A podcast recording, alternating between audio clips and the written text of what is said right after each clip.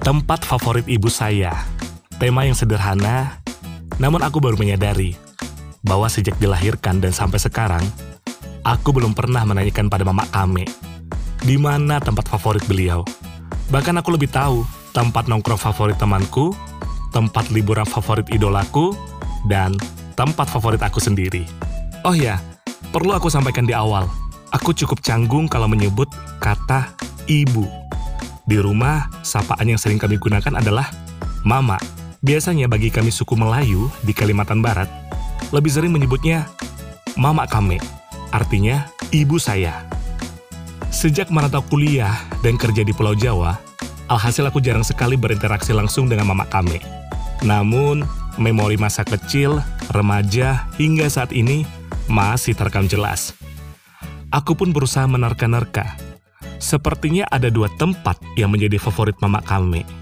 Namun entah kenapa, aku sangat yakin kalau dapur adalah yang terfavorit dari dua tempat itu.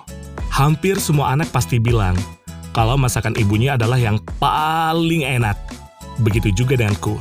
Bahkan dulu aku pernah request ke beliau, Mama, bikin rumah makan ja, pasti laris manis. Apalagi mama kami sering dipercaya jadi juru masak jika ada tetangga dan keluarga besar punya hajatan. Dapur mama kami menyimpan banyak cerita. Di sinilah roda kehidupan keluarga kami bergantung untuk bertahan hidup sejak bapak kami pergi selamanya, tepat di tanggal 22 Desember 2002. Dapur mama kami menjadi saksi pengorbanan dan kerja keras seorang single parent membesarkan ketiga anak laki-lakinya. Dapur mama kame, aku yakin setiap orang pasti tidak kuasa menahan air mata jika harus menceritakan tentang pengorbanan ibunya.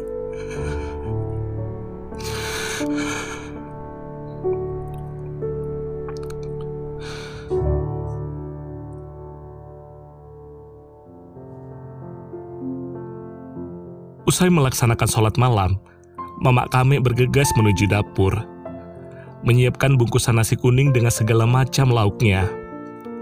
Nasi kuning ini kemudian dititipkan di beberapa warung sekitar rumah dan juga kantin sekolah. Tugas kami hanya mengantarkan titipan dan mengambil uang hasil dagangan nasi kuning di sore harinya. Kadang laris manis, kadang masih ada sisa beberapa bungkus dan jadi rebutan antara aku dan adik-adikku untuk disantap. Karena nasi kuning mama kami ini enak banget. Malam harinya, di dapur mama kami, aku dan adik-adikku membantu mama mengiris singkong rebus tipis-tipis.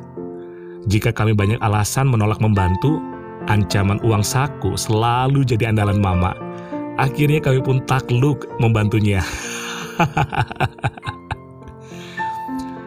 Esok harinya, irisan singkong dijemur setelah kering merata, digoreng dengan bumbu khas buatan mama kami. Keripik singkong atau di tempat kami menyebutnya krepeng dititipkan di warung-warung. Lama-kelamaan malah kujadikan oleh-oleh ke teman-teman setiap habis mudik dari kampung halaman. Awalnya aku tidak bilang kalau krepeng itu buatan mama kami. Beberapa dari mereka spontan nyeletuk. Kok enak ya keripik singkongnya? Ketika aku jawab, itu yang bikin mamaku. Mereka pun kaget dan selalu memintaku bawa krepeng mama kame tiap kali mudik. Dapur mama kame hanyalah tebakanku saja. Agar semakin mantap apakah tebakanku benar atau salah, aku pun mencoba menaikkan pada beliau, tepat di hari ulang tahunnya ke-63, tanggal 14 Desember lalu. Aku mau nanya mama, mak. Mama, uh, tempat favoritnya di mana, mak? Rumah lah di rumah di rumah. Kenapa pilih rumah? Mama suka masak.